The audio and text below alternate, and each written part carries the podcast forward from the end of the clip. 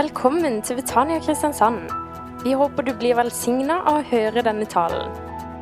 Nå lurer jeg på om eh, dere er klar til å bli med meg eh, litt i retning Flekkefjord, rent geografisk. På vei til en løpebane som ligger eh, omtrent halvveis her imellom, i Lyngdal. Der reiste jeg for ca. to år siden sammen med fire generasjoner i en familie.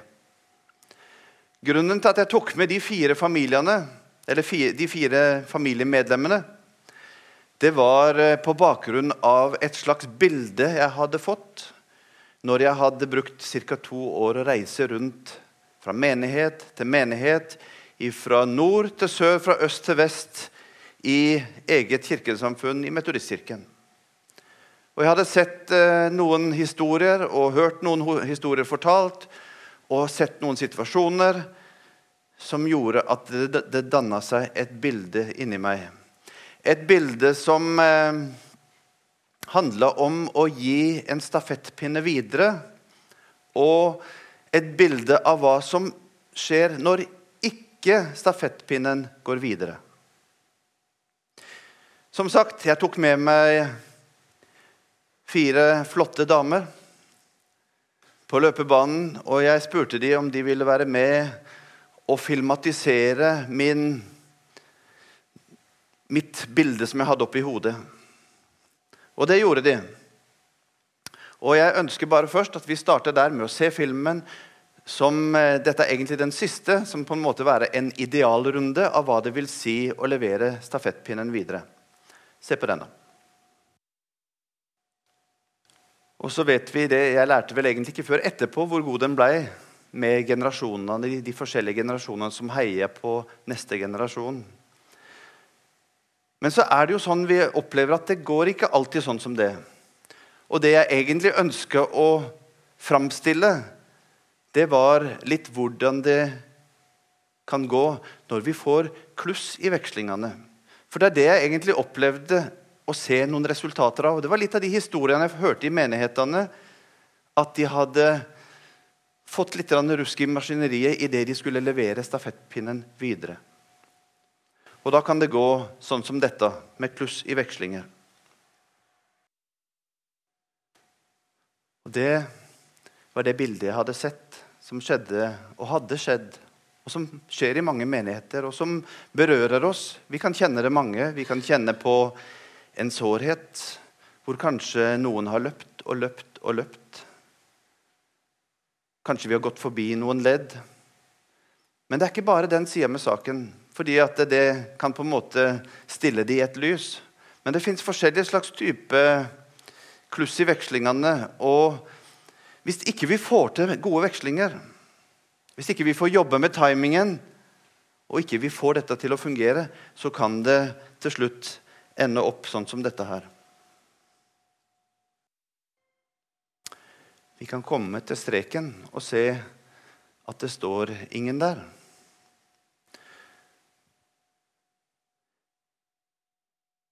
Det er bare sånn at Disse vekslingene vi tar de litt for gitt i våre sammenhenger. Vi tenker at dette er lett. Vi bare holder på. Vet dere hva stafettlag gjør? Stafettlag som driver med dette på heltid, de kjører på og trener stafettveksling gang etter gang etter gang. De timer det, de finjusterer, de, de teller skritt. De holder på og timer det inn for å få dette til å skje. Hva med oss i menigheten? Hvor mye jobber vi med disse kritiske skiftene? Disse kritiske skiftene mellom generasjoner, disse kritiske skiftene i funksjoner. Jeg tenker at vi trenger å bruke litt tid på å dykke inn i dette og på å øve på vekslinger. Og så tror jeg Det handler litt om hva slags type lederskap og hva slags type rollemodell vi velger. Sånn, Tradisjonelt sett så har dette vært, i hvert fall inn i metodistkirken, og jeg tror også i denne sammenhengen, det har vært sånn at du har en pastor eller du har en leder. Og alle oss vi skal på en måte realisere og hjelpe til at den visjonen på en måte kommer på plass. Jeg tenker noen ganger at en bibelsk modell på dette, der går pilene litt i annen retning. Hvis en ser på Jesus som leder Han brukte på en måte en slags utrustende lederskap, et multiplikasjonsprinsipp. Og han som leder kalte og investerte og trente og utrusta de som var rundt seg, til å kunne gjøre det oppdraget som lå foran. I Lukas 6, eh, 16 blir det referert at Jesus sa en lærling står ikke over sin mester, men når han er utlært, blir han som sin mester. Han sa sågar at vi skulle gå og gjøre ting sånn som han. Større ting enn han. Det er ikke dimensjonen vi kanskje ser for oss i det daglige, men det var hans visjon. Og han har gjort en rimelig god jobb med å trene sine. Han trente tolv stykker. Og vi sitter her i dag som et resultat av den treningsjobben. Han brukte masse tid med få mennesker. Én til én, én til tre, én til tolv. Men han brukte et utrolig tidsbruk gjennom tre år på få mennesker. Og så hadde han en type lederskap som vi må si at vi også kan lære mye av, og det er et tjenende lederskap. Han gikk ned på kne, vaska føttene. Han satte seg ikke på en krakk og strakk beina fram og venta at noen skulle gjøre det for han. Han hadde en tjenende lederskikkelse.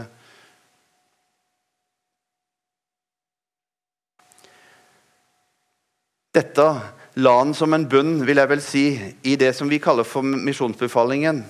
Der står det om eh, dette i Matteus. Men de elleve disiplene dro til Galilea, til fjellet der Jesus hadde sagt han ville møte dem. Og da de fikk se ham, falt de ned og tilba ham, men noen tvilte. Da trådte Jesus frem og talte til dem og sa, meg er gitt all makt i himmel og på jorden. Og så leser vi sammen resten. Kom igjen. Gå derfor og gjør alle folkeslag til disipler. Døp dem i Faderens og Sønnen og Den hellige ånds navn, og lær dem å holde alt det jeg har befalt dere. Og se, jeg er med dere alle dager inntil verdens ende. Og Det var lovnaden hans. Ikke en opplæring bare sende ut, men en opplæring med en garanti. Jeg er med dere alle dager. Så har jeg sett noen eksempler i mitt liv på noen mennesker som imponerer meg, som har plukka opp noe av dette. Og Jeg har lyst til å dele noen få eksempler som kan på en måte ta det ned. For når vi snakker om Jesus og hva han gjorde, og noen ganger så kan dette bli Det er så, det er så bra, og det er så utrolig godt eksempel, men så møter vi noen mennesker iblant oss som har skjønt noen av prinsippene, og så hjelper oss til å Ja, jeg kan også. Dette kan jeg også få til. Dette kan jeg bruke. Jeg vet ikke om dere har sett denne dama her før, men jeg har truffet henne noen ganger i Norge. Hun var kordirigenten for koret når prins Harry og Meghan Markle gifta seg. Når de sang 'Stand by Me'. Jeg vet ikke om noen som fulgte med på TV og så de gifta seg. Men hun har vært i Norge flere ganger, og hun Jeg driver noen sånne svære gospelfestivaler innimellom. Og hun er kanskje en av de mest krevende å ha med å gjøre av damen du skal booke. For hun sier til meg jeg trenger ett honorar. Så trenger jeg to flybilletter. Og så trenger jeg to hotellrom. Og så tenker jeg hva skjer nå? Ett honorar, to flybilletter og to hotellrom. Hun har som et prinsipp i livet sitt hun reiser ingen sted. Dette er en av Europas fremste, dyktigste gospeldirigenter. Hun reiser ingen sted i verden uten at hun har med seg en lærling. Hun har gjort det som sitt livsprinsipp at hun drar ikke på noen gospelfestival. Hun driver ikke og lærer opp kor i å synge. Hun drar ingen sted uten at hun har med seg en lærling. Og Det kan dere se her. Og det som skjer i en sånn sammenheng. Det var fantastisk å observere henne. Hvordan hun hadde et samspill. Hun, hadde, hun bar hele arrangementet på sine skuldre, men hun hadde et samspill med, og hun trente sin disippel. Og et sted i konserten så trådte hun til side, og så kom Charlene, som hun heter, den lærlingen, opp, og hun fikk lov til å dirigere et kor. Og da var det, eh, dette koret. Det var ikke sånn at denne andre dirigenten da gikk og satte seg og drakk kaffe. Nei, hun var med ved siden av, støtta og hjalp.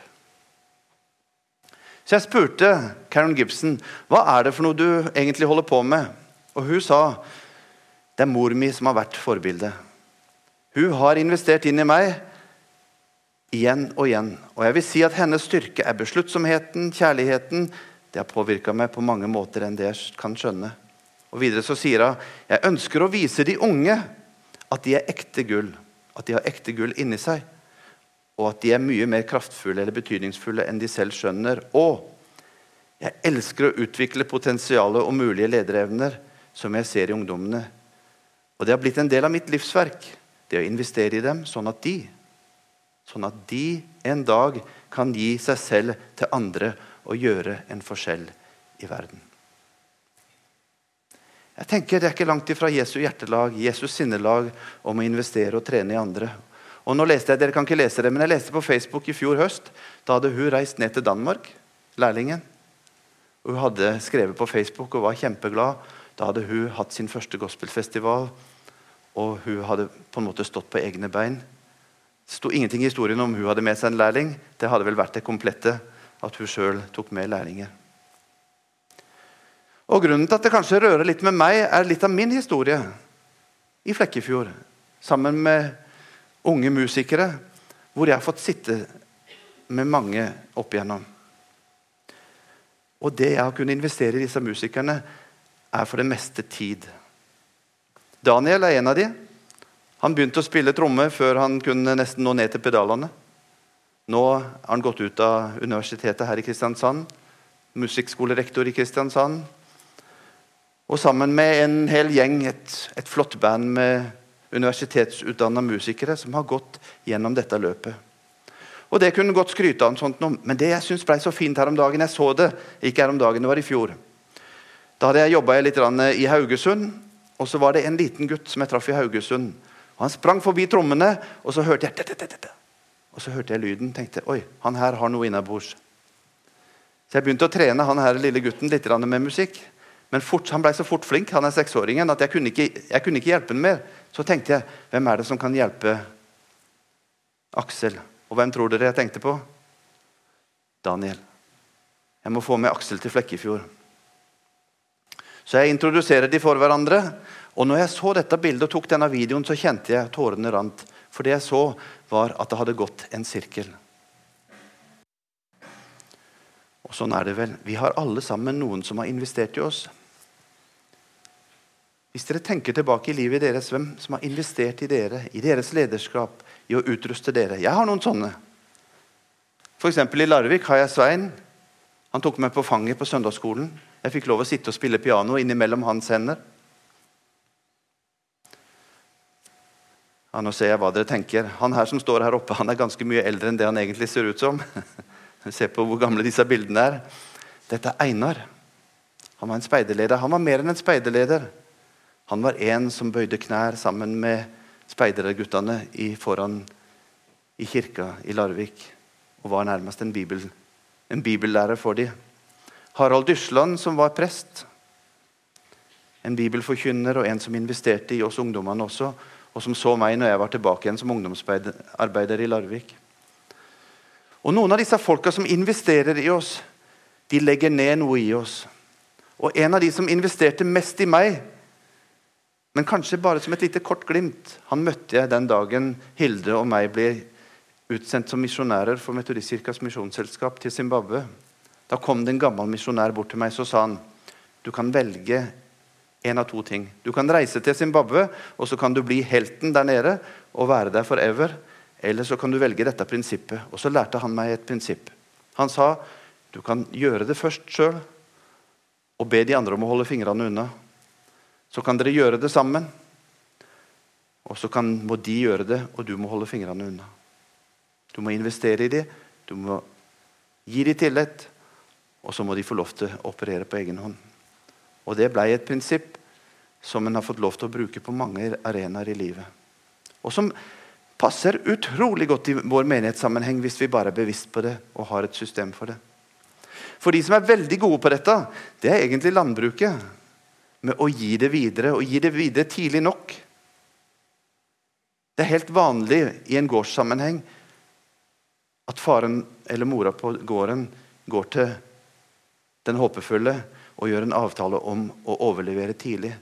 Og så er det ikke sånn at Når de har gitt over, så bare kjører de derifra. De bor på gården, investerer tid, krefter i prosjektet. Kanskje kunne vi lære noe av dem i disse generasjonsskiftene som de har i landbruket. Men da må det ikke bli sånn. Jeg bor på en gård i Jyland, og da må det ikke bli sånn som min far. Han mente sikkert det beste.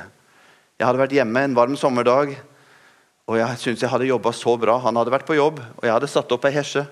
Ei lang hesje, helt aleine. Så kom min far hjem, og jeg tenkte jo nå. Ikke sant? Og så begynte han med å si Den hesja pleier vi som regel å starte ut fra det bjørketreet der. Og så kjente jeg alt i meg snudde seg på en måte nesten imot min far. Hvor viktig var det? Poenget var, det har jeg lært seinere, at hvis jeg hadde starta på det bjørketreet og telt to og et halvt skritt fram, så hadde jeg truffet hullet fra i fjor. Så hadde jeg ikke trengt å jobbe så hardt for å få ned de hesjestaura. Han hadde en god intensjon, men han fikk ikke den resultatet han kanskje ønska av læring. Han fikk motstand. Og Sånn er det med oss. Det er mange av oss som har gått og gått disse her løpa i menighetene. Det kjennes så De skoa kjennes så vanskelig og så store å fylle etter oss. Men da kanskje vi skal prøve å huske på at det viktigste er kanskje ikke hvilke spor eller hvilke sko vi går i, men at vi går mot det målet som vi hadde tenkt å komme til. Hvis vi kommer til målet, er vi villige til å slippe på noen av de fastgrodde mønstrene og hele tida holde på med det samme. Det er nesten sånn i menighetene våre noen ganger. Vi holder på med det samme om igjen og om igjen. og om igjen. Det får ikke resultater. Og Så skriver vi i årsrapporten nok et godt år, eller et eller annet sånt. Og så kjører vi akkurat de samme metodene året etterpå, og så får vi ikke de resultatene vi ønsker. Og det tror jeg bare i kirkevirksomhet vi kan drive med å holde på med det samme og håpe på bedre resultater. I industrien går ikke det. Er vi villige til å satse nytt? Er vi villige til å slippe noen til? Noen tenker at å, hvis vi slipper de til, så blir det mye vind, det blir, mye, det blir ustabilt i båten. Er vi redd for det ukjente? Jeg tok en tur på kaia i Kristiansand, nei, ikke Kristiansand, i Trondheim. Da så jeg det, at kjølen på disse seilbåtene de var utrolig dype. Denne menigheten den tåler mye vind. Den har en utrolig dyp kjøl. Det er ingenting som kommer til å vippe denne menigheten av venner. Men vi trenger Vinden er jo egentlig hele grunnlaget for framdrift. Og da må vi tørre å åpne på og gi rom.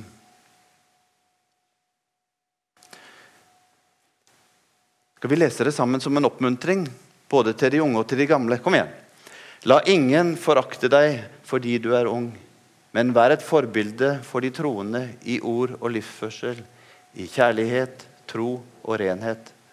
Ta deg særlig av skriftlesningen, formaningen og undervisningen helt til jeg kommer. Forsøm ikke den nådegaven du har, den du fikk på grunnlag av profetiske ord da Eldsterådet la sine hender på deg. Legg vekt på dette. Lev i det, så kan alle se at du gjør fremskritt. Gi akt på deg selv og på læren. Fortsett med det, for gjør du det, skal du frelse både deg selv og den som hører på. Jeg har møtt noen menigheter hvor jeg tenker Hvem har lært de dette systemet? Møtt f.eks. ei som heter Marie Louise. Hun kom inn i en menighet i Oslo. De spurte henne vil du være med i vertskapsgruppe. Ja, hun ble med i vertskapsgruppe. Etter kort tid så, så de denne jenta hadde et potensial. Så de spurte vil du lede en vertskapsgruppe. Ja. Hun tok imot oppgaven å lede en vertskapsgruppe. Kort tid etterpå spurte de kan du tenke deg å lede hele vertskapsgruppeoppsettet. 23 år. Og så kom det den siste utfordringen du fikk. Nå er du leder. Din neste oppgave er å finne den neste lederen. Og Det var ikke bare noen som hadde bare kommet på det. De hadde det som et system. At de rekrutterte mennesker, utrusta mennesker, trente de, og så ga de dem en oppgave om å finne den neste lederen. I en annen menighet i Oslo var det ei jente som kom inn. Lina kom inn og begynte å synge i ei lovsangsgruppe. Hun eh, ble spurt ganske fort om hun kunne tenke seg å lede en lovsangsgruppe. Litt etterpå så ble jeg spurt om hun kunne tenke seg å lede alle lovsangsgruppene som deltok på lørdag når de hadde studenttreff for ca. 600 studenter. Ikke så lenge etterpå ble jeg spurt om hun kunne tenke seg å være med på UL, som er den store samlingen for ungdom borte i Kongeparken. Og Hun var med der et år. Etterpå ble jeg spurt kan du tenke deg å lede lovsangen på UL. Det var noen som hadde designa et system som gjorde at de tok vare på potensialet, de utrusta de, og de sendte de videre og utrusta nye ledere. Jeg tror det er noe som vi må jobbe med i menigheter. Jeg tror ikke dette, dette bare detter ikke på plass. Så dette blir sagt fordi at vi trenger som menigheter å sette oss ned og tenke hvordan er vekslingene i våre menigheter? Hvordan jobber vi med våre vekslinger i menigheten? Hvordan får vi med Det kan være nye generasjoner, men det kan også være nye funksjoner. Å få mennesker inn så ikke det er de samme hele tida som holder på med det samme, som sliter seg ut. Hvordan kan vi få med oss dette? For ganske mange år siden så var det en predikant som var her for noen få uker siden, som sto i Flekkefjord og holdt et seminar, og han sa en ting som har fulgt meg. Han sa Hvem har du ved din side, som kun etter kort tid overtar og gjør det du gjør i dag. Når Egil Svartdal sa det på et seminar i Flekkefjord, så var det akkurat som det brant seg inn i meg. Kanskje fordi det har vært en del av livet mitt og en del av måten å kunne jobbe på. Men jeg fikk et slags sånn bilde av en hvem.